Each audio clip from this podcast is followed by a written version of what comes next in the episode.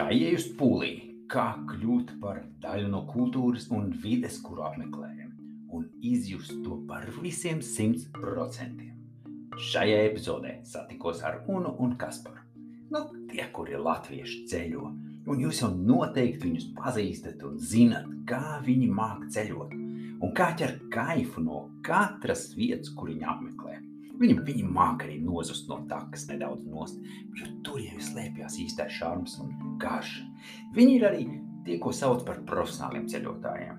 Jeb kā pasaulē dēvē digitāli nomads. Tāpēc skaidrs, ka gribējis ar viņiem satikties un pārunāties, lai saprastu, kā tad to visu sabalansēt. Šo te digitāli nomadu dzīves stilu, darbu no jebkuras vietas pasaulē, un kā to sabalansēt ar ikdienu. Vai tas ir viegli, vai tas ir grūti. Tāpat, protams, mēs parunājam par ceļojumiem, par šo te kultūru, par kultūrām, ko viņas meklē, ko viņi meklē un ko atrod. Un eh, šī ieteikti bija ļoti, ļoti, ļoti vērtīga saruna gan visiem tiem, kas meklē, lai iedvesmotos ceļojumiem un eh, jaunām vidēm un kultūrām, gan par tiem, kas meklē veidus, kā atrast iespējas ceļot vairāk. Tā kā noteikti noklausīsies sarunu un uh, atradīs un sajutīs un saklausīs savējos. Tāpēc slēdzam iekšā un aiziet. Dīvaini, ka satiekamies šobrīd ar uh, Kasparu un, uh, un Unu tepatās Latvijā. Noķerts vienā mazajā brīdī, kad viņi ir kaut kur starp visiem lieliem ceļojumiem. Jo redz, viņus grūti noķert.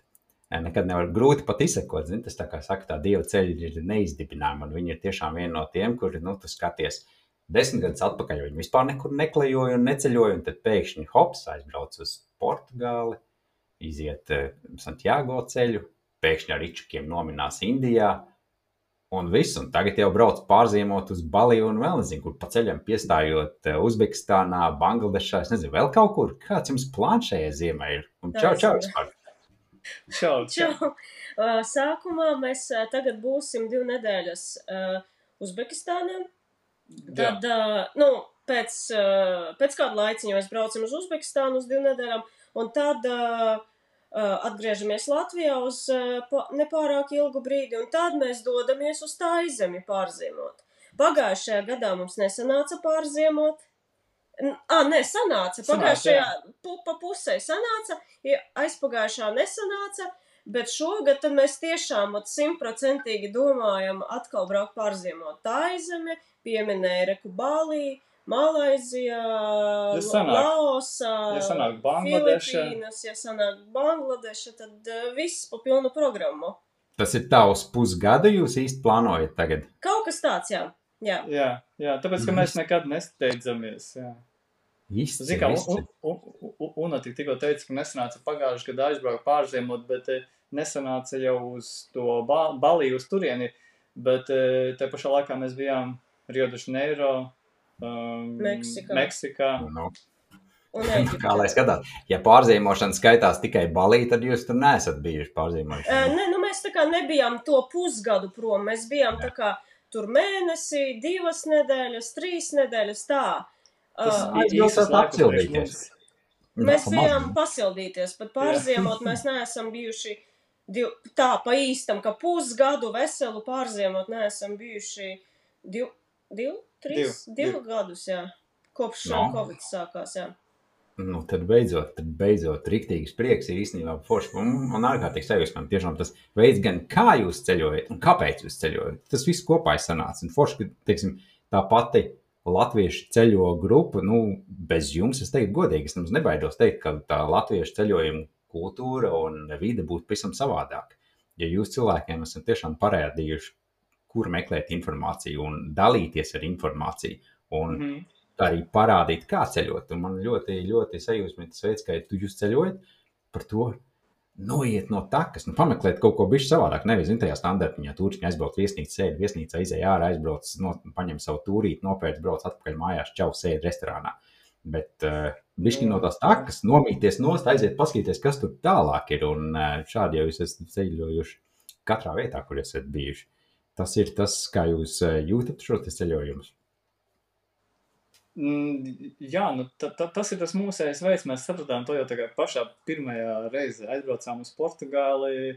Uh, mums bija sarakstīns ar lietām un vietām, ko darīt. Jā. Tiekam līdz sarakstā kaut kādai otrajai, trešajai vietai, un mēs paskatām sev, mēs negribam meklēt, kur tas ir. Mēs negribam tur to rindu, un mums interesantāk aiziet tur pa kreisi aiz tās, aiz tās baznīcas un paskatīties, kas tur, tur aizmugurē ir. Jā. Tur, kur, tur, kur visi kā gaida rindā, tur priekšā, bet mēs aiziesim tur aizmugurē. Un, Tas saucamais jā, behind un- the scenes, jā. Jā, jā, jā. jā. Un, un, un tā arī bija ar to Facebook grupu, ka mēs eh, paši lasījām internetā informāciju. Bija tajos laikos eh, ļoti liela Facebook grupā. Nomads, man liekas, saucās. Tieši par lēto ceļošanu. Alternatīvais. Ir vēl joprojām. teiktu. Diezgan aktīvi viņi. Jā, jā, iespējams, ka jau es tā neesmu tā kā vienkārši skatījies, jo es zinu, ka kādā brīdī viņi tur eh, kaut kas mainījās, kas slēdzās nost.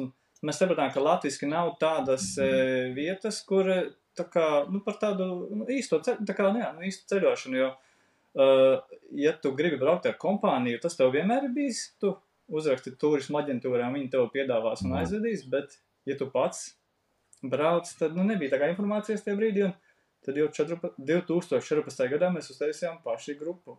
Pirmo gadu Mhm. tur eh, es atceros, kā es viens pats uz visiem atbildēju jautājumiem, Jā, jā. kad es divus gadus apmēram. Mhm. Un eh, tagad, jā, tagad jau ir izveidojies tāda tur komūna, un tad cilvēki jā. paši jau viens otram palīdz un visu viens otru izbīda pasaulē.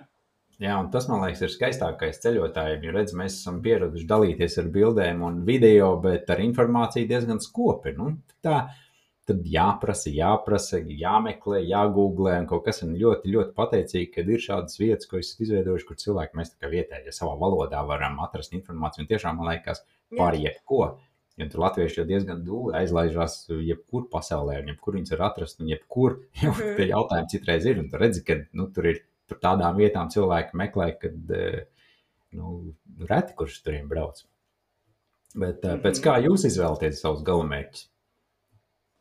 Uh, nu, mēs skatāmies kaut kādus tā kā oriģinālus galamērķus bieži vien. Nu, tā kā Kaspars pieminēja Bangladešu un Pakistānu. Uh, tad vēl, uh, nu jā, tādus mazāk populārus, varbūt, piemēram, kaut vai tā pati Brazīlija. Nu, baigi daudz jau uz Brazīliju nebrauc. Vairāk jau tomēr brauc uz tā aizemi un Balī. Un tad, uh, Bet, zini, kā es teiktu, ka tas tā veidojas procesā, ne? Mm, Jā, tas pagaidi. Nu jā, kaut kādas tādas uh, interesantākas vietas, kuras tā kā mums, nu, interesantākas mums, bet citiem varbūt viņas nav tik interesantas. Piemēram, tā pati Uzbekistāna, bet tas nav bijis vienmēr. Jā, tas eh, sākumā, sākumā, eh, es teiktu, ka mēs sākumā atceros pašu pirmo braucienu. Mēs vienkārši gribējām aizbraukt maksimāli tālu, kur brauc Ryanair. Jā, Tā kā jā, mums, mums nebija tā kā, mums, mums viss bija nezināms, un tas skaties, cik tālu mēs ar Raineru varam tikt, un tajā laikā tas bija, varēja ar diviem lidojumiem Portugālē nokļūt. Un uh, nākamais solis tāds nopietnais bija vienu gadu vēlāk, un mēs tādi brauksim, kur var maksimāli lēti, tad mēs varēsim ilgi būt. Uh -huh. Jo mums jau sākumā iepatikās, ka ilgāk būtu, un, eh, un tā, un kur ir silti, un kur ir interesanti. Un interesanti mums atkal jau. Un tā mēs nonācām Indijā, kur mēs ar eh, velosipēdiem piecus mēnešus ritinājām pāri visai valstī. Un vienā brīdī mēs sapratām, ka cilvēkiem nav vērts teikt, ka mēs braucam apkārt Indijai. Viņi neticēja tam. Mēs viņiem sakām, nu mēs uz to aiznākamo pilsētu tikai. jā, jā. jā.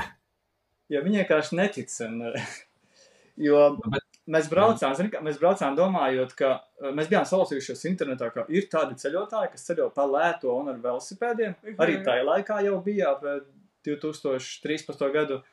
Bet izrādījās, ka visi šie braucēji kaut kur citur brauc, ne uz Indiju, jo mēs Nu nu, jā. nesatikām vispār nevienu.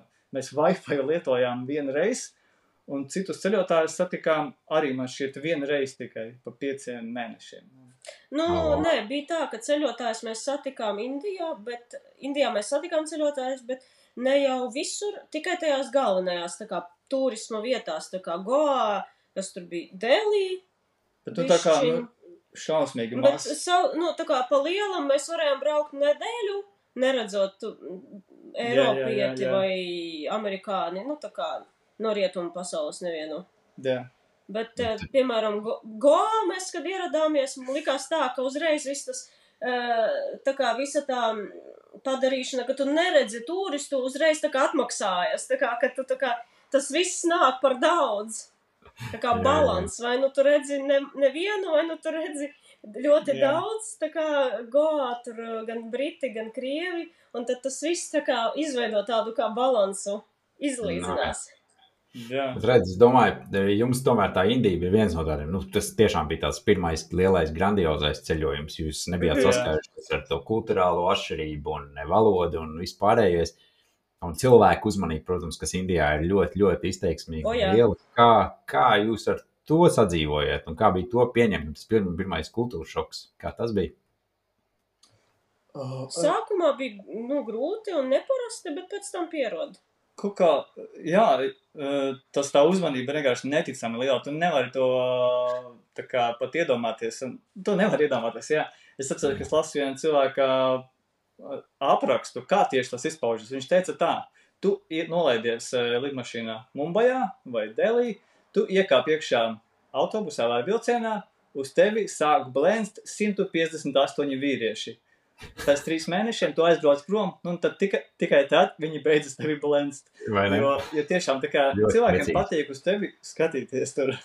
Bet mm. pēdējā reizē, kad mēs bijām Indijā pirms gadiem pieciem, likās, ka viņi tomēr mazāk skatās. Mazāk, vai arī mēs bijām tik ļoti jau pieraduši, ka mēs jau Jā. nepamanījām.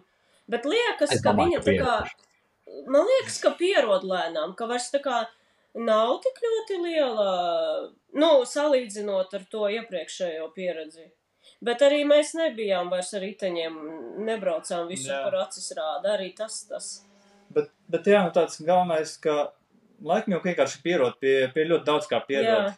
Tas droši vien tā galvenā atziņa, un pie... nav nemaz tik ilgi, kamēr tu pierod. Nu, jā, un tu pierod arī pie tās skaļuma ļoti ātri. Nu, kaut kurā, pirmajā reizē mums ne, bija grūti pierast, bet pēc tam Nākamās reizes, kad mēs braucām, tad bija tā kā tu jau pierodi pat dažām dienām, ka visu laiku ir skaļš un pīpina, un tev tā kā loks ir ciet, bet tik un tā tu dzirdi to visu. Jā, man liekas, zin, kā, ar tās cilvēku masas, kas Indijā mēs tādu atbraukuši cilvēki no no Latvijas, kur tu vari zināt, tu vari mierīgi aiziet mežā, parkā, pasēdēt viens pats. Nu, aizbrauc uz tādu valsts, kad tev ir kultūras šoks, kur pēkšņi tur ir miljoni cilvēku apkārt, visi tev blenži, grib tev fočēties, bakst ar pirkstu, kaut ko mēģina tev iestāstīt vēl. Tad uh, tas ir krietni liels kultūras šoks, es domāju, gan. Un es Jā. domāju, ka Bangladešā to jūs sajutīsiet vēl vairāk, kur ir, kā saka, tur Bangladešā jau Tu vispār nevari nekur būt viens pats. Vispār nav, neeksistē tāds brīdis. Jā, jā, jā. Tie, es... tie ir arī, man liekas, nu, tās ir valstis, kas nav tā uzreiz, jebkuram ceļotājiem, parastiem, kas grib ceļot un kaut kāds iespējas, nu, tu nevar iemest uzreiz tādās iekšā. Un, uh, šoks. Būs šoks, jā. Es tagad skatos uz uh, indiešiem, kas dzīvo Latvijā un domāju, diez kā viņi jūtas atbraucot mm. uh, no Indijas uz šejieni. Kāda viņa bija tā kā kā, kā vispār viņi jūtas? Jo tā kā mēs aizbraucam, mums ir tāds šoks, ka ir tik daudz cilvēku un ka tik nu, nu, piesārņots gaiss, jā, un netī, nu, nu, netīrs tomēr tur ir uz ielām. Bet mm -hmm. kā viņi, kā vispār viņi jūtas, ko viņi domā? Un tas es tā kā skatos un domāju, jo tā kā personīgi es nekā nepazīstu nevienu indieti, kas ir pārcēlies uz Latviju. Nu, jā, tad uh, baigi interesanti vērot un domāt, kā viņiem šeit patīk. Es tam citu labu domu, es arī neesmu pajautājis. Es gan pazīstu vairākus indiešus, kas Latvijā dzīvo. Jā. Un, eh, bet labu domu īstenībā varētu viņiem sazināties arī parunāties. Kā tas ir? Un, jā, jā, jā. Kā, un vēl es skatos uz viņiem, un es ļoti ceru, ka pret viņiem izturas tikpat jauki, kā pret mums izturējās indieši uh, Indijā. Jā, uzmanība ir daudz, bet ir. Uh, jā, ļoti jauki. Kārtībā. Viņi tā kā tiešām ir atvērti un ir gatavi tevi, nezinu, kaut vai pacienāt, uzaicināt ciemos. Un Jā. tiešām atvērti. Nu, izņemot tos dažus, kas tā kā mēģina tevi apčakarēt, bet, nu, pārsvarā jau tā, tā apčakarēšana ir, nu, nezinu, eiro, divi, nu, 5 centi, nu, nav jau tā tik traki. Jā, cik lēti, cik tik tev ir apčakarējis. Un tas jau ne tikai Indijā, to jau nevar attiecināt uz vienu no, pat jā. kultūru vai vienu reģionu. Tas jebkur pasaulē, arī Latvijā vai Eiropā vai Latīņamerikā vai jebkur notiksies. Tas arī būs, man liekas, un tas, tas procents ar šiem te sliktajiem cilvēkiem, nu viņi ir. vai ne? Bet mēs Nu, jau jā, ar jā, savu jā. enerģiju, ar savām vēlmēm, ar savām sajūtām viņus jau piesaistam vai tieši atgriežam. Mēs piesaistīsim tādus, kāds mēs gribēsim. Ja tu nāks ar Mhm. savu pozitīvo auru, enerģiju un smaidiem, nu, tāds cilvēks arī dabūs pretī. Tad arī to kultūru Nu, nu, jā. izbaudīs. Durvis būs atvērts, Mhm. un cilvēks aicinās ciemos, stāstīs, runās ar tevi un būs ļoti draudzīgi. Ja mēs esam draudzīgi pretī, mēs saņemam tieši tādu pašu. Jā, jā. Tieši tā. Jā, tieši tā. bet uh, tad es domāju, nu, redz, jums tas lielais ceļojums bija, un uh, tā tad pagājuši cik tur gads, ja gada laikā apmēram plus mīnus tas jums bija pēc Portugāles. Tas eh, pirmais, jā, tas, nu, tas eh, No no Portugāles, paša pirmā. jā, no Portugāles gada laikā mēs izbraucām dažus citus ceļojumus, līdz mēs nonācām mm, Indijā un vēl uz vienvirziena biļeti. Jā, Uz ceļa. Es, ne, bet, zini, es atceros par to uzmanību cilvēku. Nu, pats, pats pirmais brīdis tas bija tāds tik- interesants. Ka, tik Nu, jauki īstenībā. Nu, sākumā mēs bijām tik nobijušies, bet es saprotu, ka tas ir jauki. jā, ka viņi vienkārši grib tā kā, nu, viņi domā, vai to nu, viss ir kārtībā. Jo, ja tu četros no rīta skrūvē savu velosipēdu un at, atvest to kastē, skrūvē kopā, nu, viņi vienkārši visi stāv un skatās. Arī policists ar automātu stāv blakus, vai divi kādā brīdī, un viņi visi vienkārši viņiem ir ko skatīties. Un, Jā, tiešām. un neviens nepiedāvā Mēs palīdzēt. Ne? kas ir? Neviens nepā, nepiedāvā palīdzēt. Ā, es domāju, ja, ja mēs paprasītu, viņi tur atrastu, ko- pasaukt. Jā, bet, bet, ne, bet tā, jā, viņi vienkārši stāv un skatās. Un jā. smaida. Jā. Un mēs tādiem sakām viņam, mēs, mēs ātri, mēs ātri saliksim velosipēds, neuztraucieties, mēs tūlīt brauksim prom. Un uh, viņi tā indiešu, um, pa indiešu kārtībā. tā smaida un krata galvu un saka, ka viss ir kārtībā. Jā, tā kā uzmanība ir, jā. Nu, skaisti. Bet, nu, mēs es gribēju- sapratām, ka tas nav nekas negatīvs. Nē, nē, nē, nē, nē. Nu, tā viņi jūt. Viņiem jūs esat tiešām tik ļoti eksotiski e, radījumi no citas pasaules, cik Jā. savādāk, izskaties savādāk, runājot savādāk, darāt visu. Skaidrs, ka viņiem ir interesanti.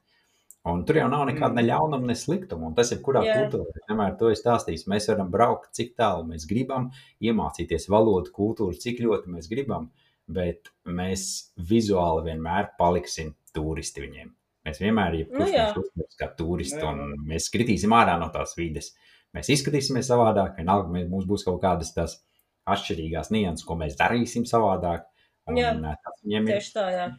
tā tas, tā tas ir. Bet tā ir, ar to ir jāsadzīvot, tas ir jāpieņem un kaut kādā ziņā jāignorē. Jo tu vairāk to noignorēsi šo, te, šo te sajūtu, ka es esmu svešais. Tad arī, tad arī būs vieglāk? Tad ir jāpieņem, ka es esmu te ciemiņš, es viesojos, es, šī ir vide, kurā es Mm. varbūt neesmu dabīgs, bet es gribu sajust un izbaudīt šo, un tad ir vienkāršāk. Bet es gribēju pajautāt, tātad tas ir gads, kopš jūs vispār neceļojāt, pat nebijāt ārpus Latvijas īsti izbraukuši, un pēkšņi jūs ar riteņiem minaties uh, Indijai cauri. Bet te, kā tas viss mainījās, kā pasaule mainījās ap jums, kā jūs paši mainījāties? Ir kāds Tu domā, tā kā Pēc Indijas? pēc, Pēc nu, tā kā, pēc tā gada laikā? Kā vispār šie ceļojumi iz, jūs izmainīja un kā pasaule izmainījās? Kā jūs redzējāt pirms tam un pēc tam? Tu domā, gada laikā pirms Indijas vai pēc Indijas? Vai- Gada laikā, pirms jūs ceļojāt vispār un sākāt ceļot un aizbraukt Ah, uz kam? Indiju? Jā, jā. Uh, nu, sākumā tās, uh, nu, mēs jau sākām mainīties, man liekas, pēc pirmā ceļojuma, pēc tā mini Portugāles ceļojuma. tad radās sajūta, ka vajag ceļot. Jā. Tā kā ka ļoti, ļoti vajag. Vajag atrast iespēju nokļūt ārzemēs.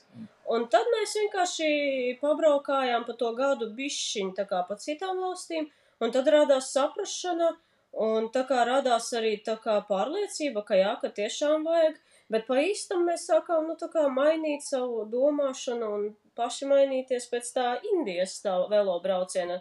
Nu, ka mēs redzējām, ka uh, sākām saprast, nu, ka Latvija ir tā kā, ne, nu, ka viņa ir ļoti tīra, kaut vai ļoti klusa, un ka mēs esam īstenībā ļoti laimīgi, ka mēs esam nu, ļoti tā kā pateicīgi, ka mēs esam eiropieši, jo citās Jā. zemēs nu, nav tik viegla un forša dzīve kā eiropietim.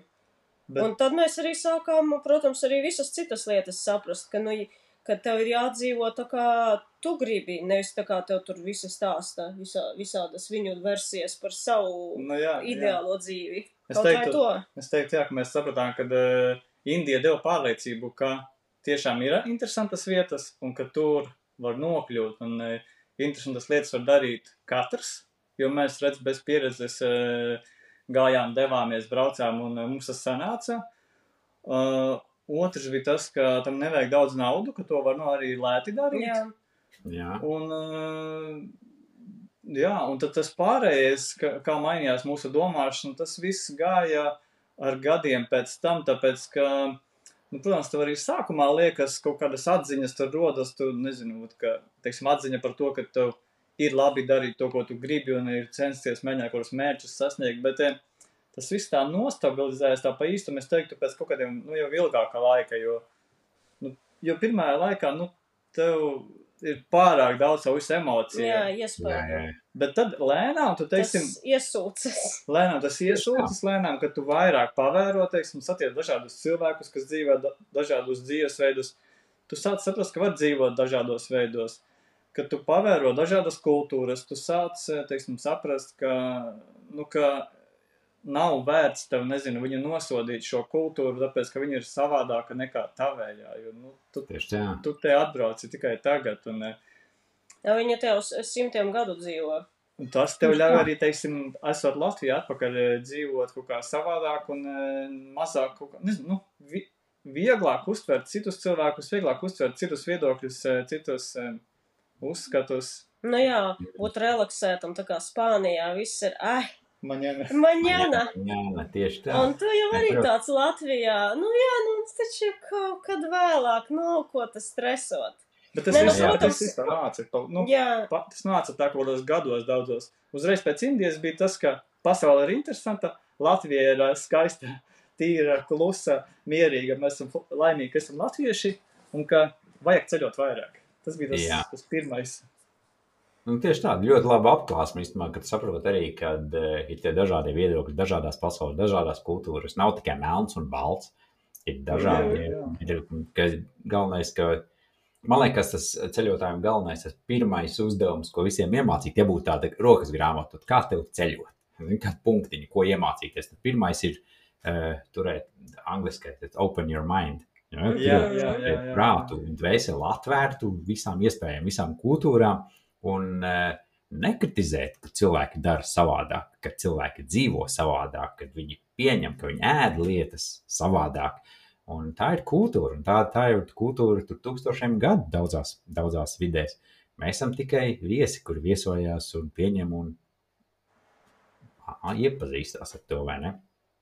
Un tas Nu, ir jā, Jā, jā, jā. jā. mēs esam redzējuši cilvēkus, kuri, uh, kuri ir ļoti dīvaini, nu, mūsuprāt, ļoti dīvaini, ka viņi atbrauc uz valsti un sāk kritizēt. Kāpēc viņi tā taisēs, nevis šitā? Kāpēc viņi neizmanto to? Kāpēc viss tik kas? Kāpēc cil tie cilvēki visu jā. laiku smaida? Un kāpēc viss ir tik, uh, nezinu, tāds un šitāds? Un, uh, nu, ka viņi tādi nelaimīgi, un tad tie apkārtējie redz un no viņiem izvairās vienkārši.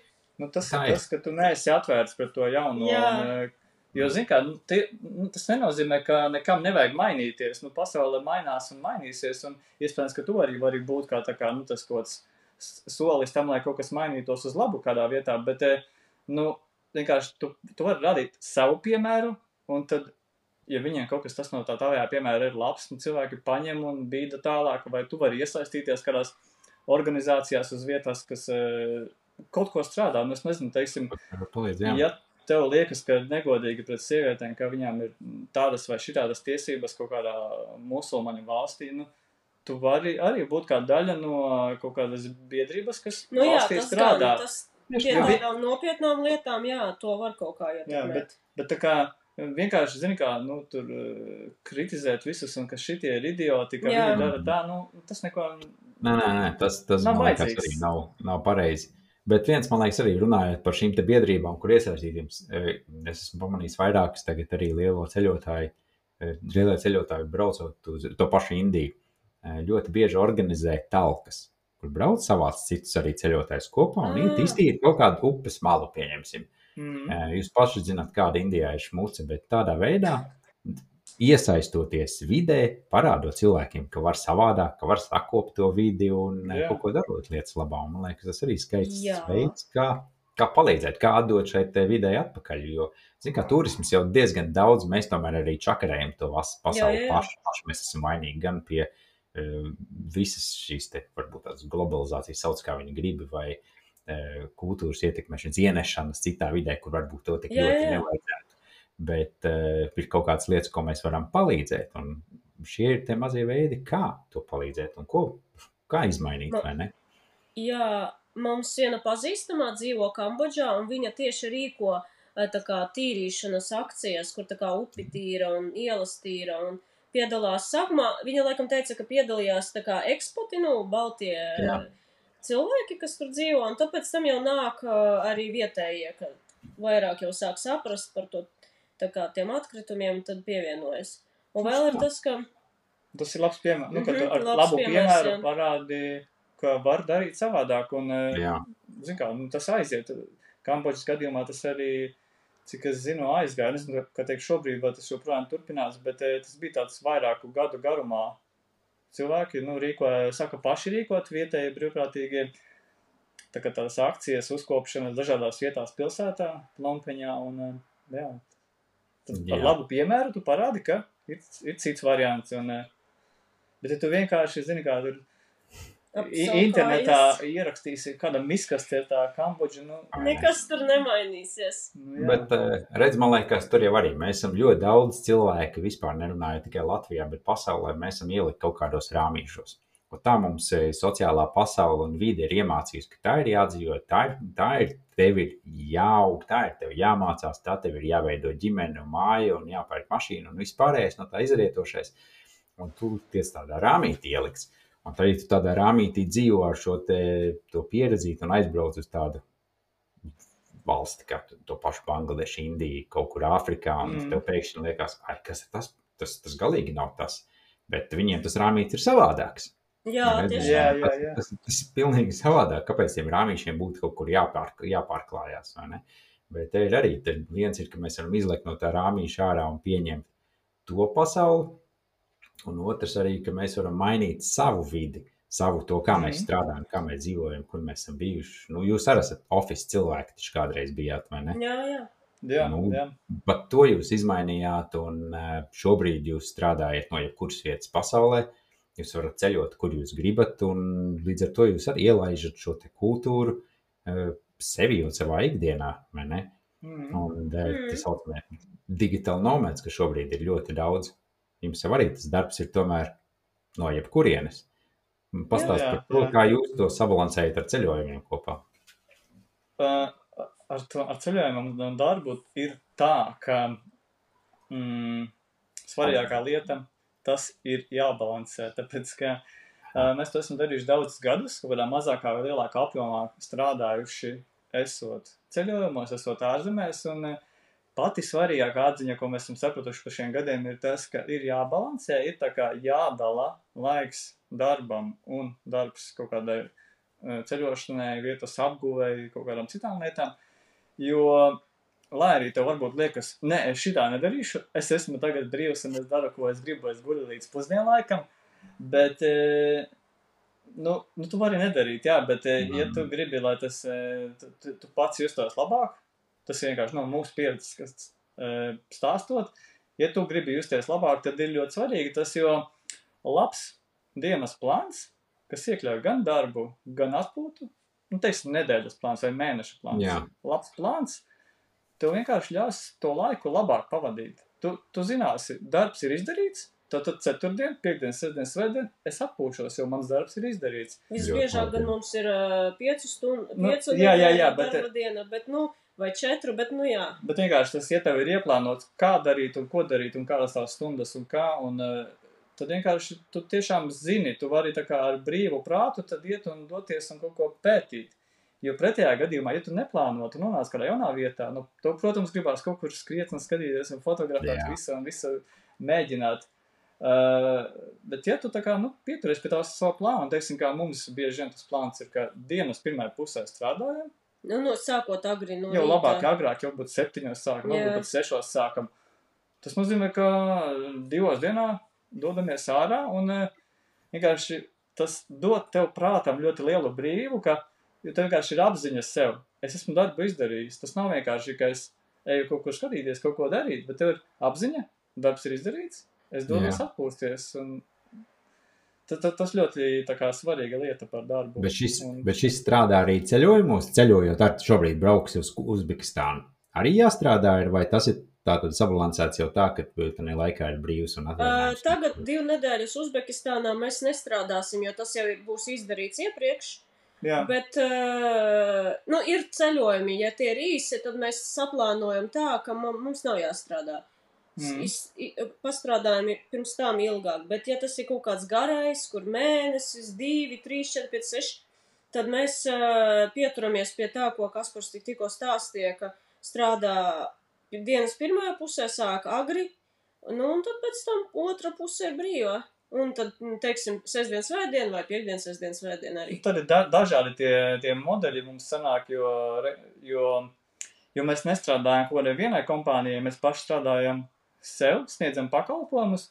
Un eh, tāpēc reizēm mēs arī varam, ka jā, izdarām visu trīs dienās, un tad četras brīvas, jā. vai eh, paņemam, nezinu, šonadēļ, nākamnedēļ pa septiņām dienām, un tad braucam uz divu, trīs nedēļām un nestrādājam. Tā kā mēs darām dažādi, jā, bet eh, jā, nu, īsajos arī nestrādājam, nu garajos periodos vienmēr strādājam. Nu, skaidrs. Es pirmo reizi saskāros, atceros, biju Meksikā, un es sēdēju, tas man liekas, es nemaldos, Plēdela Karmenā. Uh, hostelī. Jā. Vakarā patusējām, visi tusēja kopā, tur draudzīgi, kā jau hosteļos noteikās. No rīta pamodāmies, es nogāju lejā uz lobiju un uh, kafiju, brokastis paēdām. Un es saku, nu, vai tur kaut kur braucam, kaut kāds mums tur plāns bija. Kaut kur. Visiem jāstrādā. Ceļš divi džeki, kompjūs. Es domāju, nu, ko tur čato kaut kur. Es viņam saku, vai, vai, laižam, čak, nē, nē, darbs. Man bija tā, darbs, kāds darbs? Ko ir darīt? Tas bija, nu, saka, 10, 12 gadu atpakaļ. Un uh, viņi sāka skaidrot, man bija tā, kā jūs tā kā sešus mēnešus vienā vietā, pēc tam braucat trīs mēnešus citur, četrus mēnešus atkal kaut kur. Un man bija tā, wow, tā tik ir pasaule. Viņi strādā no jebkurienes vietas pasaulē, cik ilgi grib, bet nu, darbs ir jāizdara. Tad, kad citi iet uz plūdu, no, nu viņiem ir jāstrādāt, sabalansēt. Un, protams, pēdējos gados tas ir redzēts daudz, daudz vairāk. Un es ar šobrīd jā, jā, protams. runāju par to digitālu nomadu zēru.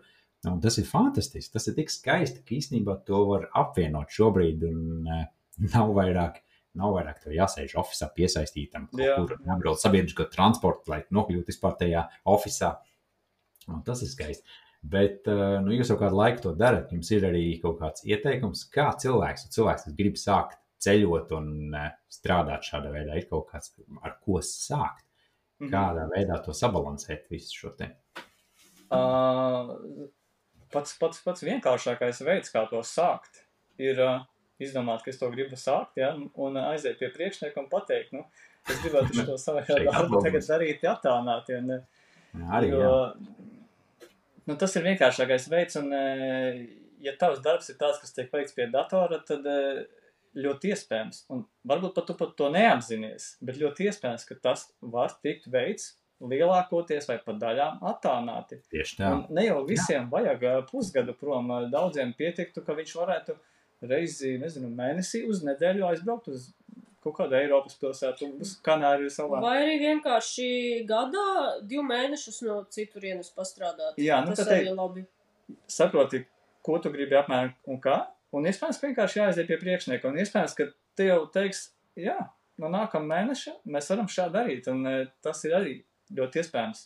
Un it īpaši tagad, kad bija tā pandēmija, un tāpat visus, visiem lika mājās strādāt, nu tie, kas tur varēja. Jā, nu, ka, te, ka tā jau ir ierastāka praksa Jā. arī Latvijā. Mana draudzene agrāk man prasīja, nu, vai tā kā man nav grūti, tā kā strādāt mājās, nu, vai man nav tā kā negribētos uz ofisu nākt kādreiz strādāt, es saku, nē.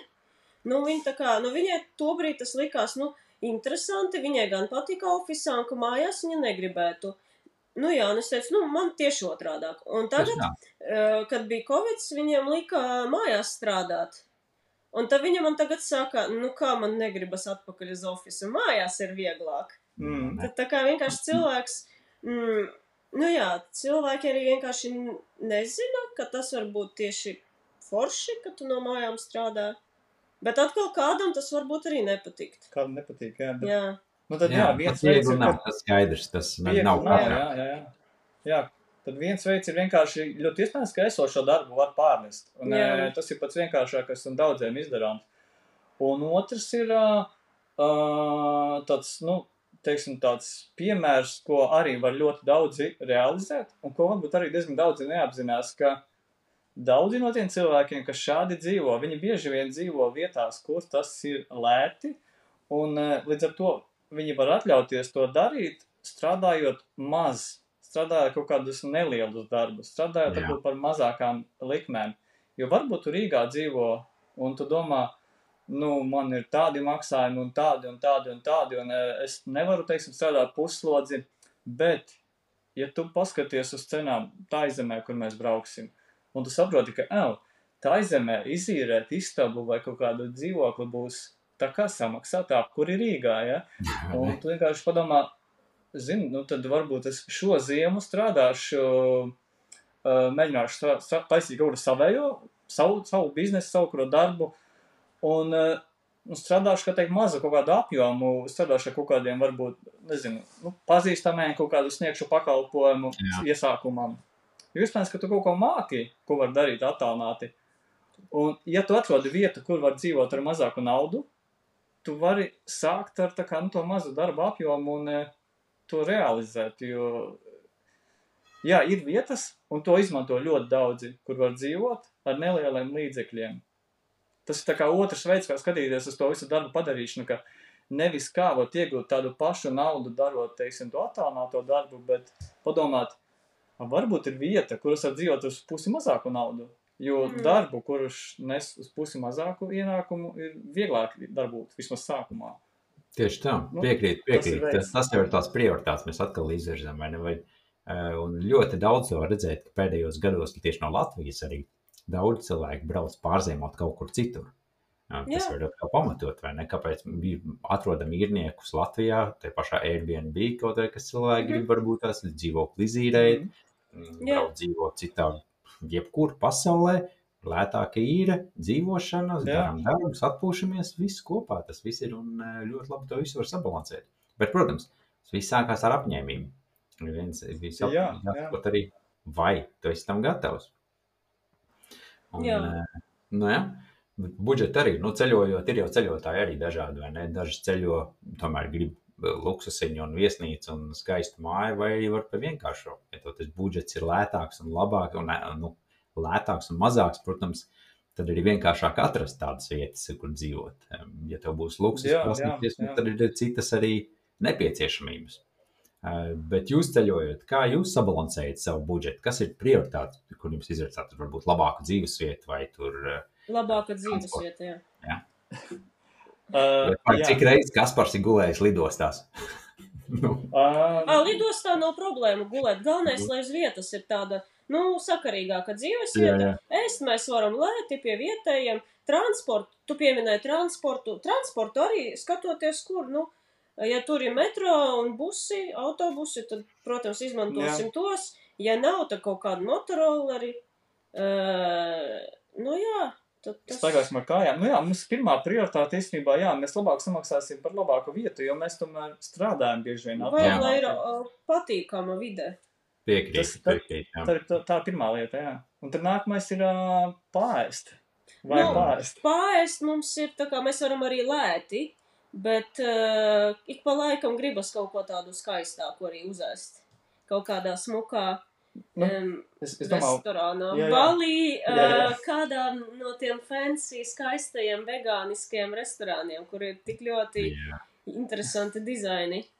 bet, nu, jā, bet par to pāriešanu daļu es vienkārši saku, ka mums svarīgi ir tādā ziņā, ka uh, nu, mēs neēdīsim roltonas. Nē, nē, to, to, to es nevaru. Tāpēc, ka mēs tad labāk neaiziesim uz, nu, teiksim, Amerikā, tik tikko bijām. Amerika ir dārgs galamērķis, nu, tīpaši Ņujorkā. Jā. Un eh, nu, mēs labāk neaiziesim uz eh, kaut kādiem tiem objektiem, kur ir nu, samērā lielas Kur ielas. 50 eiro par cilvēku jāmaksā. Jā, Jā, bet mēs labāk eh, būsim foršā vietā dzīvojam, kur visur var aiziet, un ka mēs aizējām pāriest labi.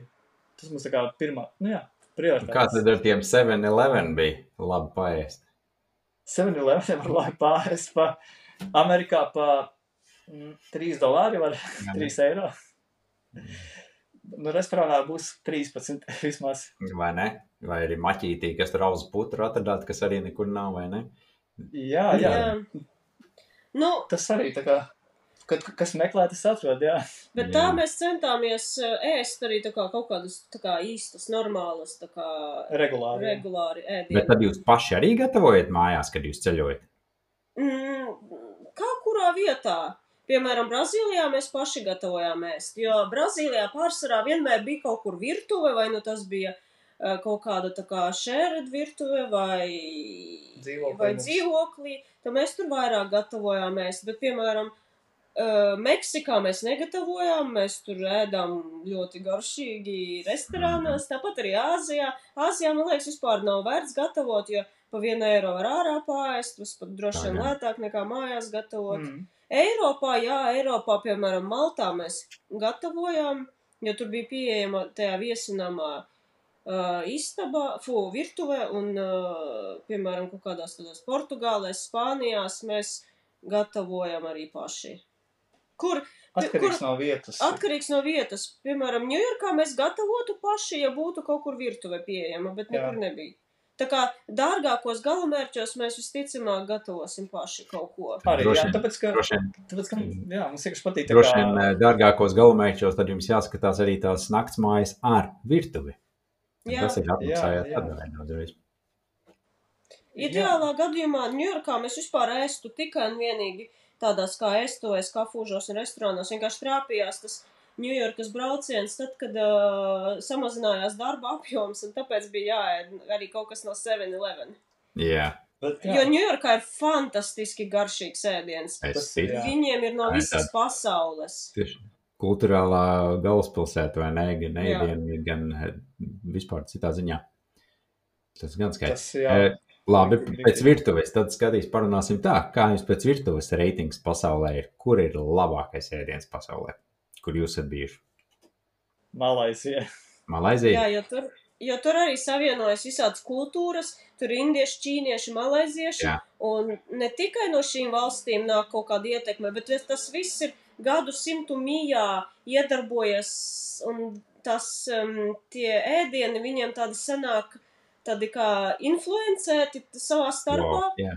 Un tas vēl Eiropa tā kā ir bijusi pa vidam Jā. Briti un ā, Tad viņiem ir tādi unikāli ēdieni, kas ir tā kā kaut kādi, tā, tu viņus vari atrast arī tur, piemēram, Indijā, Ķīnā un citur, bet viņiem ir, piemēram, kaut kas tā kā kaut kādas tās, nu, influences, tā kā, no, Jā. Un, piemēram, tas indiešu ēdiens būs nu, kaut kā arī savādāks. Jā, tas jā. būs malaizijas indiešu Jā, jā, ēdiens. jā. Būs, protams, arī indiešu, bet būs arī kaut kāds īpašais malaizijas indiešu ēdiens. Un būs vispār kaut kas, ko tu citur nemaz neesi nogaršojis un dzirdējis un redzējis. Tas ļoti interesanti. Es nezinu, es pat nemāku noraksturot. Arī ar ēdienu bija tā, ka mēs ā, Malaiziju, ka ā, pirmo reizi indiešu ēdienu mēs iemīlējām Malaizijā. Kaut gan mēs tik tikko bijām bijuši Indijā 5 mēnešus. Mums viņš nepatika. Mēs, mēs gribējām prom un mēs gribējām nekad vairs neredzēt indiešu ēdienu. Tikai Aizbraucām nesaka šito Malaizijā. indietim, ne?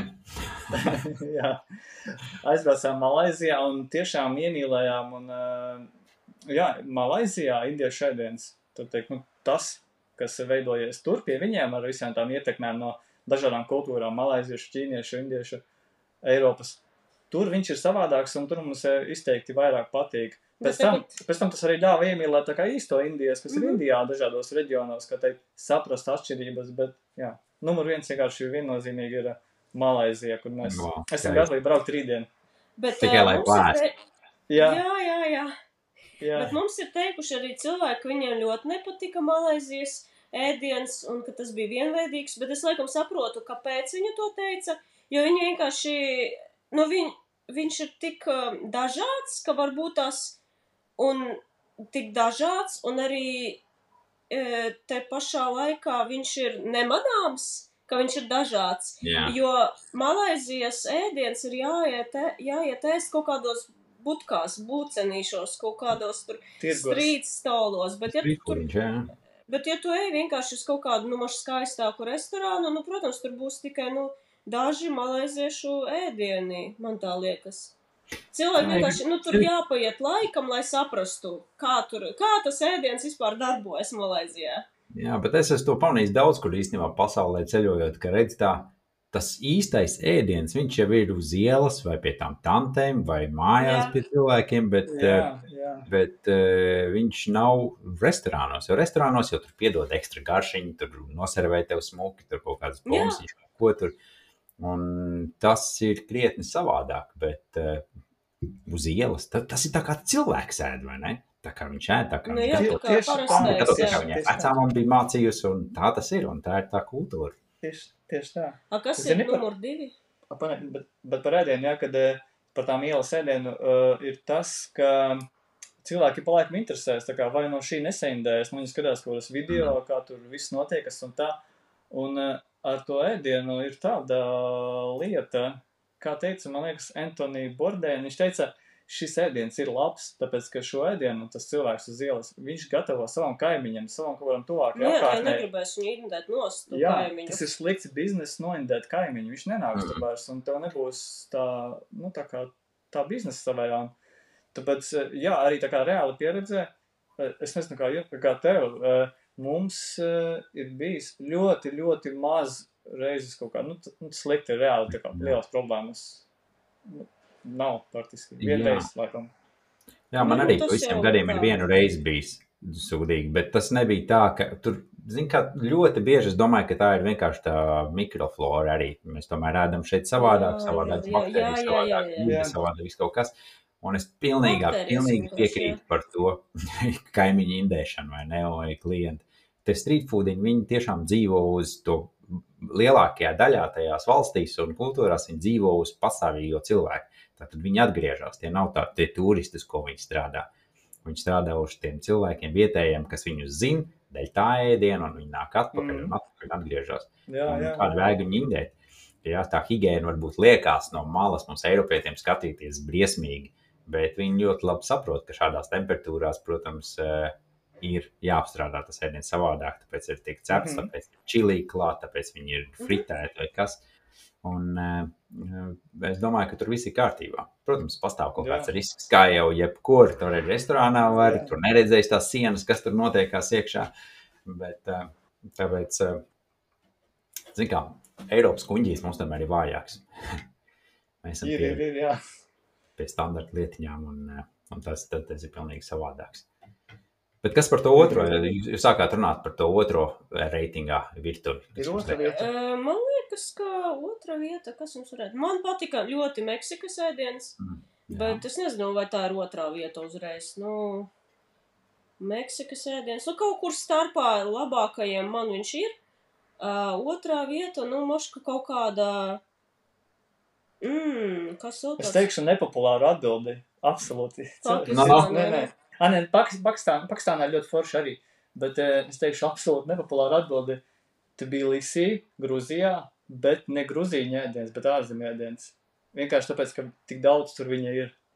Es, Mm. es biju vienkārši pārsteigts. Mēs iemīlējāmies Tbilisī, tāpēc, ka tur ir tāds ēdiens no visādām pasaules vietām. Un, eh, Līdzīgi kā Ņujorkā, es Jā. teikšu, jā. Jā. Tikai ne tik grandiozi. Nu, ne tik grandiozi, jo tā pilsēta tomēr ir tikai viens miljons, man liekas.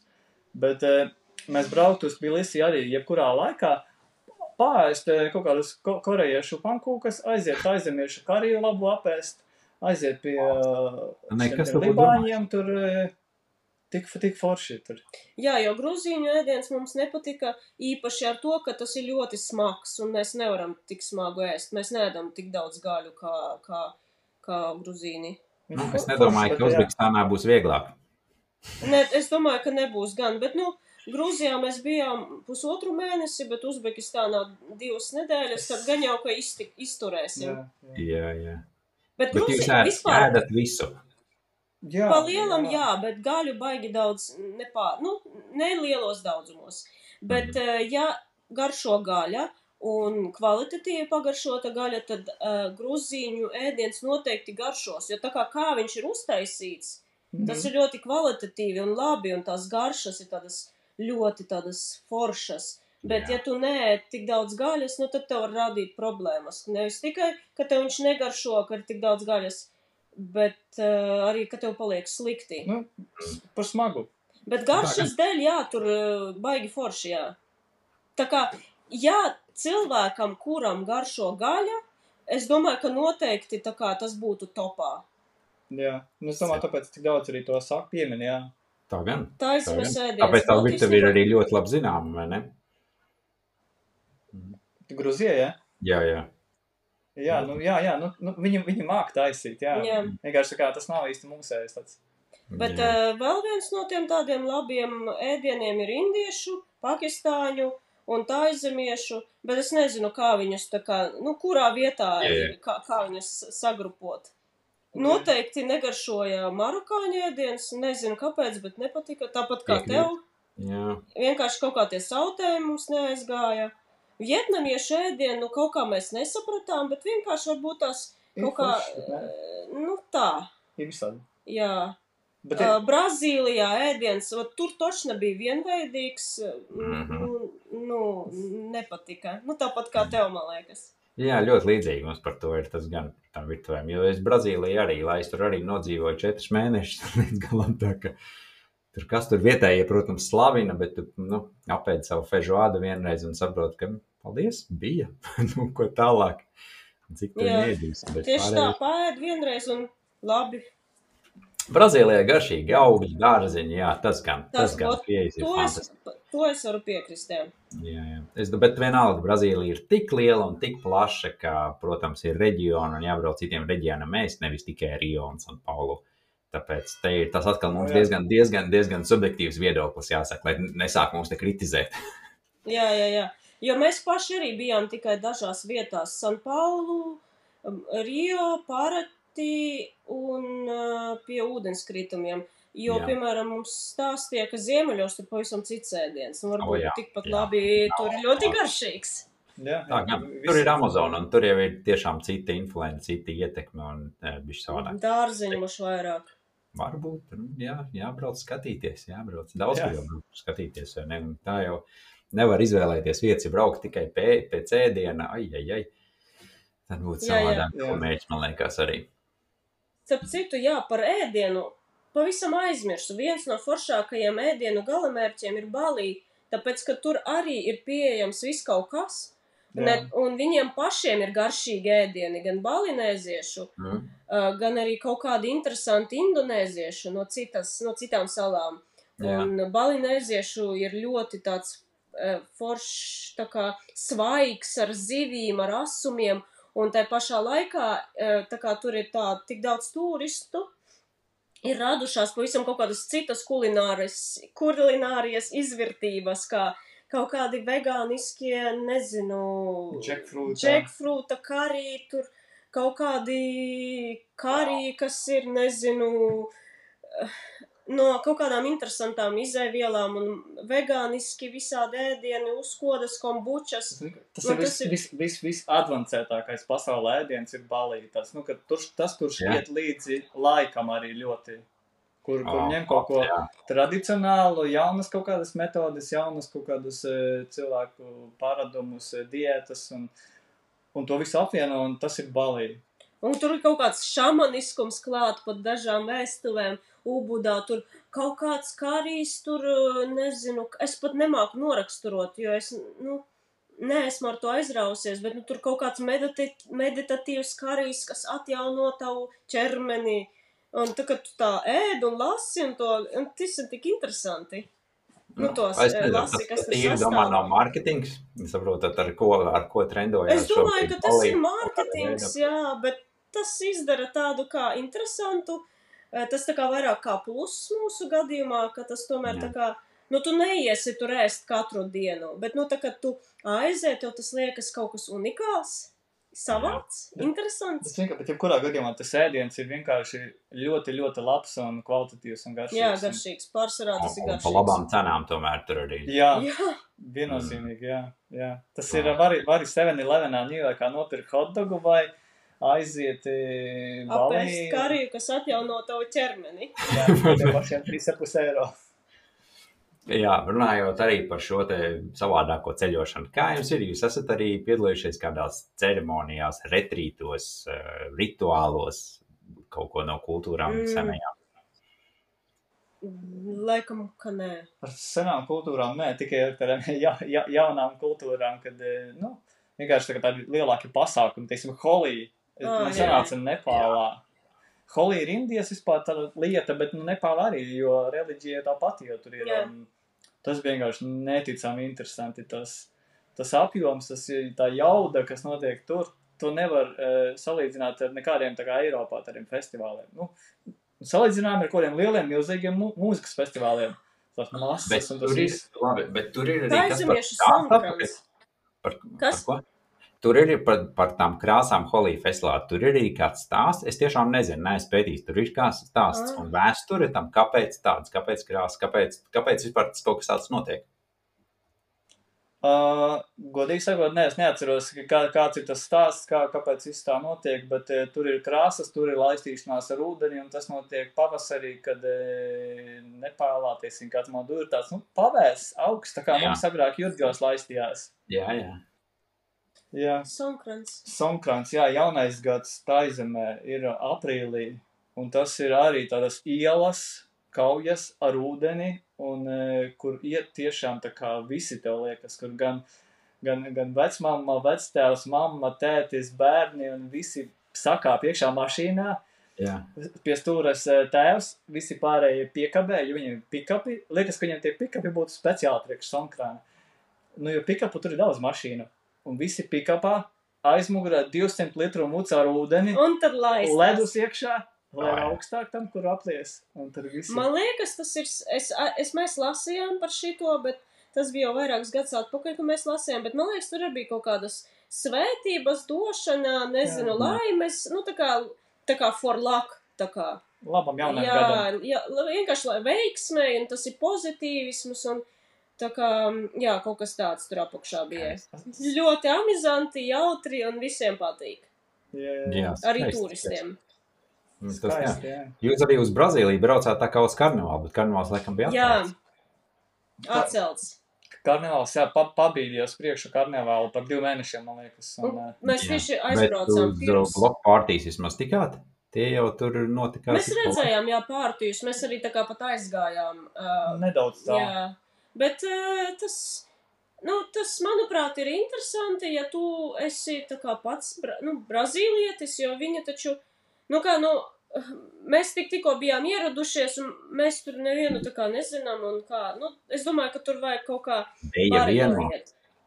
Bet, zin, un arī bija tas, ka vēl joprojām bija dažādi ierobežojumi. Jā, eh, visi, visi slēpa to, ka notiek kaut kāds pasākums kaut kur. Ā, Jo tā kā tu nedrīkstēji to oficiāli atklāt. Un, nu, tā bija, tā. Nu, mēs tā baigi tā, nu, Bet- Ah, neiespringām. bet, bet, bet, bet, bet tāda vēsturiskā lieta bija tas, pēc tava ieteikuma Meksikā, kad mēs aizgājām uz to um, Čamu? Čamulā baznīcu bija pie San Kristobal. fantastiski. Jā, jā, pie San jā. Kristobal de las Casas Čamula ciematā.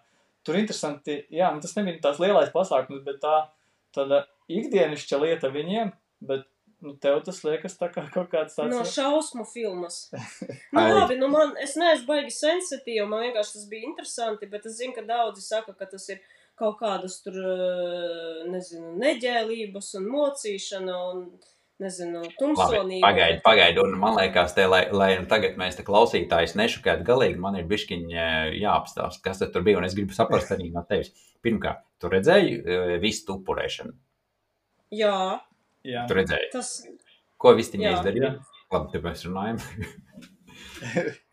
viņai apgrieza kaklu. nu jā, Jā, bet redz, tā, pirmkārt, tā ir baznīca Meksikas centrālajā daļā, kurā vēsturiski ir sajaukušās divas reliģijas. Tā ir senā maiju Jā, jā. reliģija un mitoloģija ar mūsdienu kristietību. Un, eh, tā tad pie, tiek piekopts vēl joprojām uh, upurēšanas. Tiek upurētas gan vistas, Jā. gan olas, gan arī uh, alkoholiskie dzērieni, tie pašā skaitā arī Coca-Cola. Un uh, šīs te visas, tātad vista vai šie priekšmeti vai šie dzērieni tiek izmantot ceremonijās, lai cilvēku ceremonijā ārstētu. Un šo sliktu enerģiju vai slimību pārvest uz to vistu, un vistai pārlaužot kakliņu, un šī enerģija tiek noslēgta vistā, un viss tiek vēlāk iemesta. tā man liekas, jā, mēs lasījām, jā. Jā, un eh, šīs ceremonijas ir tūkstoši gadu, tūkstoši gadu. Un tā ir vēl, man liekas, vēl viena, ko es arī ļoti bieži stāstu cilvēkiem, ka nevajag to uzķert un atkal kritizēt, kā mēs jau pirms tam runājām, ka tā ir jāpieņem. Jā, jā, noteikti. Nevar viņam stāst mācīties, ka klausies, šī tā nav labi darīt, tu dari pār dzīvnieciņam. Jā, bet tā pašā laikā mēs tik daudz ēdam arī gaļu, Jā. un tā arī savu veidu, nu, mēs darām pāri Jā, jā, jā. Tāpēc uh, tur es nedomāju, ka tur kaut kas, vismaz manā uzturē tā baznīca ir ļoti, es viņās jūtos ļoti gaiši, jo tur viss ir šīs tie sveču gaismā un, un, Jā, un jā. ar dabu, ar šīm skuiņām, un uh, ir diezgan Jā. tāda, man ir tāda gaisīga sajūta viņai. Nu, Bet, mums eh, bija jūs jā. Mums bija ļoti līdzīgi, nu, mums, bija, mums patika, tāpēc, ka, nu, kā es saku, mēs neesam sensitīvi cilvēki. Mm. Nu, tā kā, jā, es to redzu, nu, man ir tā, nu, labi, viņi tā dara, ok.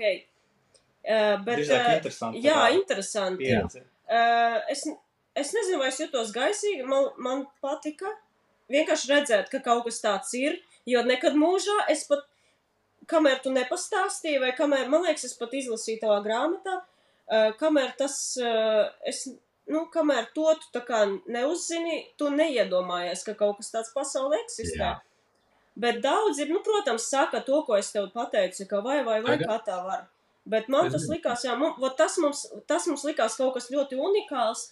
Tās visas tūkstoši, kaut cik tur tās sveces un skujas uz zemes lapas un kas tur, tur nebija. sajūta iekšā. Jā, tas bija, tas bija Mm. kaut kas, kas man paliks atmiņā līdz mūža galam. Mhm. Bet redziet, šīs vecās kultūras, viņas jau ir visur. Te pašā Balī, Malaizijā, Indonēzijā, Vietnamā, Indijā. Jā, Ir, ir viens tas, ko tev rāda parastam cilvēkam un turistam, Jā. un tad ir ļoti, ļoti, ļoti daudz saglabājušās vecās tradīcijas un kultūras, ceremonijas, rituāli. Un tas ir, man liekas, tas, kas savā ziņā kaut kādā izzūd. Mēs kā turisti mēs esam atbildīgi pie tā, lai to saglabātu. Jo patiesībā, pieņemsim, viens piemērs bija, es biju Peru, un uh, Titikakas ezerā ir savu, savu peldošās salas. Uh, Jā, ļoti jā. daudz cilvēku zinām, mēs esam dzirdējuši par to. jā, jā, redz, jā. Turistam stāsta, ka uz, uz šīm salām cilvēki vēl joprojām dzīvo. Patiesībā nē, viņi ir savā veidā aktieri. Viņi dzīvo pilsētā, no rīta apģērbjas, brauc uz salu un uh, parādās turistiņam, brauc atpakaļ. Uh, savā ziņā tā kā brīvdabas muzejs. jā, jā, jā. Ne? ne tur slikts, ne tur labs. Skaidrs, ka cilvēki dzīvot komfortiņā, mājā, dzīvoklī ar televizoru. Un ka, kas viņam to var liekt? Bet, ja Nu, mēs tā kā turisti nebrauktu uz to vietu, tad salas vairāk neeksistē. Tā kultūra būtu pilnīgi izudusi. Un ļoti daudz Jā. ir tādu piemēru daudz kur pasaulē, ka tikai tāpēc, ka brauc turists un interesējās par to, Mm. tiek saglabāts un tas arī rādīts. Spriest, vai tas ir slikti vai labi, arī grūti, vai ne? Bet tāda tā vide ir un tāda tā pasaule ir tomēr kaut kur izveidojusies. Eh, Ko jūs esat pieredzējuši arī no tā? Um, es gribēju pateikt vienu piemēru kaut vai no mūsu pašu Latvijas. Jā. Ka mēs bijām tā kā izbraucienā pa, mm, neatceros gan kādām pilsētām, bet uh, tas bija labu laiku atpakaļ. Bet doma tāda, ka uh, mēs iebraucām tādā kā mm, tējas un zālīša kaut kādā tādā kā, um, nezinu, ražotavā. Mhm. Un Jā. nu, tur sieviete bija saģērbusies tautu, tautas tērpā. Viņai bija uh, tāds uh, tradicionāla paskata koka, tāds kā uh, kātliņš, kur viņa vārīja to tēju no visādām uh, zālītēm un tā. Un skaitīja tā kā kaut kādus buramvārdus, stāstīja, ko tas nozīmē, ko katra zālīte dod un tā un šitā. Zini, ja, ja man liekas, ja mēs paši tā kā neizrādītu interesi, nebūtu turistu, kas brauc to skatīties, vai, piemēram, uh, kaut vai mūsu pašu turisti, nu, nu, nebūtu tās sievietes, nebūtu tās ražotnes, kas tā kā uh, rādītu tās pašas Latvijas tēņas, kā taisīt no, no ā- ārsnieciskajiem augiem, jo tas lēnām izzūd. Labi, tur manas draudzenes vēl lasa to, eh, tās puķītes no pļāvas un taisa tās tēņas kaltē. Bet vai jaunāki to dara? Tā tas lēnām izzūd, un tāpēc ir labi, ka ir tādi cilvēki, un kas to dara, bet viņi dara arī tāpēc, ka citiem cilvēkiem ir interese. Nu, jā, kamēr pieprasījums ir piedāvājums. Un... Vai ne? Tur es tā ne, nu, jo, jo, piemēram, pēc mūsu tā kā pieredzes, nu, es netaisu tādas zālītes. Es aizēju uz aptieku un nopērku ibumu, ibumatīnu. Nu, tas lēnām izzūd, protams. Nu jā. Bet redz, to ibumatīnu jau tu arī vari aizvietot ar kaut kādām zālītēm, ja tev tā Jā, tā pareizi pastāstīt. Tā ir. Tā ir, tā ir tā kultūra. Tur jau tā lieta. Mēs tomēr esam tie ziņkārīgā cilvēku daļa, kura dzenās un meklē un kaut ko pēta un grib uzzināt. Un eh, tādā veidā turot ar šī kultūra un tradīcijas dzīves? Un eh, kaut kādā veidā mēs to informāciju varam nest un pēc tam stāstīt un dalīties. Te pašos savos sociālajos tīklos vai vienalga, kur, kur, kur tas nonāk. Kur, jo Es domāju, ka ir svarīgi. Ir svarīgi. Mēs esam savā ziņā atbildīgi par to, ko mēs redzam, to, ko mēs piedā, piedzīvojam. Jo nu, diezgan teiktu, nu, man liekas, es, es, es vienmēr stāstīju par to, ka ceļotājs nedrīkst būt egoistisks. Mums Mhm. ir jādalās, mums ir to, ko mēs piedzīvojam, mums ir jāstāsta citiem, jo tiem, kas neceļo, lai viņi varētu izdzīvot to caur mums, gan stāstiem, gan pieredzi, gan, eh, gan, gan, gan video, gan bildēm, gan uh, savādāk. Un, uh, Jo ne visi jau var aizbraukt. Gadās, ka nu nesanāk vai nu nevar. Tad vajag, tad ir po, tiešām forši, ka viņš tā kā var paskatīties. Nu, kamēr nevar, nu, tad viņam ir kaut kāda tā kā saikne ar pasauli. Tieši tā, un tieši ļoti labi. Man arī patīk, ka jūs tik ļoti daudz arī dalāties par no saviem ceļojumiem un stāstīt. Un īstenībā ļoti skaisti reciklā mums salikās kopā. Jūs tagad ir izveidojāt uh, savu uh, šo, šo te maksas pakalpojumu, ja, ka Mhm. cilvēki var redzēt daudz autentiskāku un īstāku informāciju, atbalstot jūs no ceļojumiem. Pastāst par to, kā ceļotāji to var darīt un uh, pie kādas informācijas viņi var uh, nonākt. Uh, jā, jā ta, ta, tas mums ir tāda pavisam jauna lieta. Mēs sapratām, ka, sapratām, ka ir interese, un tad, ja ir interese, mēs varam piedāvāt kaut ko vairāk nekā mēs parasti darām. Un, Jā. uh, ejam vienkārši uz latviešu ceļo Instagram. Un viens ir bez maksas vienkārši skatīties, ko mēs liekam mūsu bildes, mūsu stāstījus. Otrs ir, tu vari izvēlēties būt par close friends, par eh, kā atbalstītāju un eh, li lielo draugu. Un eh, tad tu redzi vairāk mūsu stāstījus no ceļojumiem, un tas ir tikai par 11 eiro vienreizēju maksājumu. Ideāli. Jā, jā. Un, un ir otra opcija tiem, kam gribās kā vēl vairāk, kam gribās ne tikai Instagramā, bet kam gribās arī kaut kādas video latviešu valodā. Mēs piedāvājam pa 5 eiro mēneša maksājumu iegūt gan šos ten storijus Instagramā, gan arī vienu vai divus ikmēneša sazvanīšanos ar video tiešraidēm, kur mēs stāstam par saviem ceļojumiem. Jo mēs sapratām, ka mēs jau sen esam domājuši, ka varētu saistīt stāstu vakarus kādās kafejnīcās vai Jā. kur. Un, un tu saproti, tu atliec un atliec un atliec. Un eh, tad, kad tu uz pusgadu esi prom, to ir grūti realizēt. Un, eh, jā, tāpēc sākām stāstu vakarus, tādus uh, po pusotrai stundai. pa Jau divām ir bijuši? Internetā. Jā, Ir, ir, jā. Kāda atsauksme no cilvēkiem?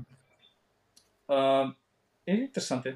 Cilvēkiem patīk un uh, Super. taisam, jā, taisīsim. Ka, ka, kamēr būs interesi, tik netaisīsim. Un, uh, jā, un tā ir savā ziņā tāda unikāla iespēja paskatīties uz to mūsu pieredzi, tādā, nu, es teikšu, tādā pavisam, pavisam tādā raw, tādā, tādā īstā Jā. jā. veidā, jo, jo tā, tā, ir tiešraide, kur mēs eh, runājam bez nekāda skripta, mēs vienkārši stāstam, kā, kā bija un kas notika, un kas mums patika, kas nepatika, un, ja ir jautājumi, mēs atbildam jautājumus. Un...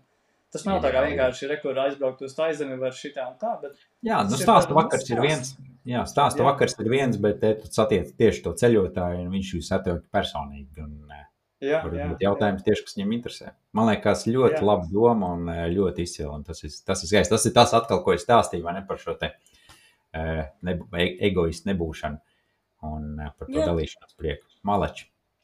jā. Labi, es domāju, ka šo te arī mēs nobeigsim šodien. Parunājām daudz un gari. Un, cilvēku var jūs atrast. Visi, es domāju, nu, rēt, kurš ceļotājs jūs nezina Latvijā. Par to būsim godīgi, vai ne? Un, ja kāds vēl nezina, tad, jā, Instagramā Latviešu ceļo, piesakojiet, Facebookā un visur pārējais. Un tad jau tiekamies jā. Uzbekistānā. Jā, Jā, jā, tiksimies internetā. tiekamies, jā. Super. Labi, liels paldies jums šodien un tiekamies citiem stāstiem citā reizē. Jā. Labi, Super. labi, jā, tā, tā. Paldies, paldies. tā, tā. Čau, čau!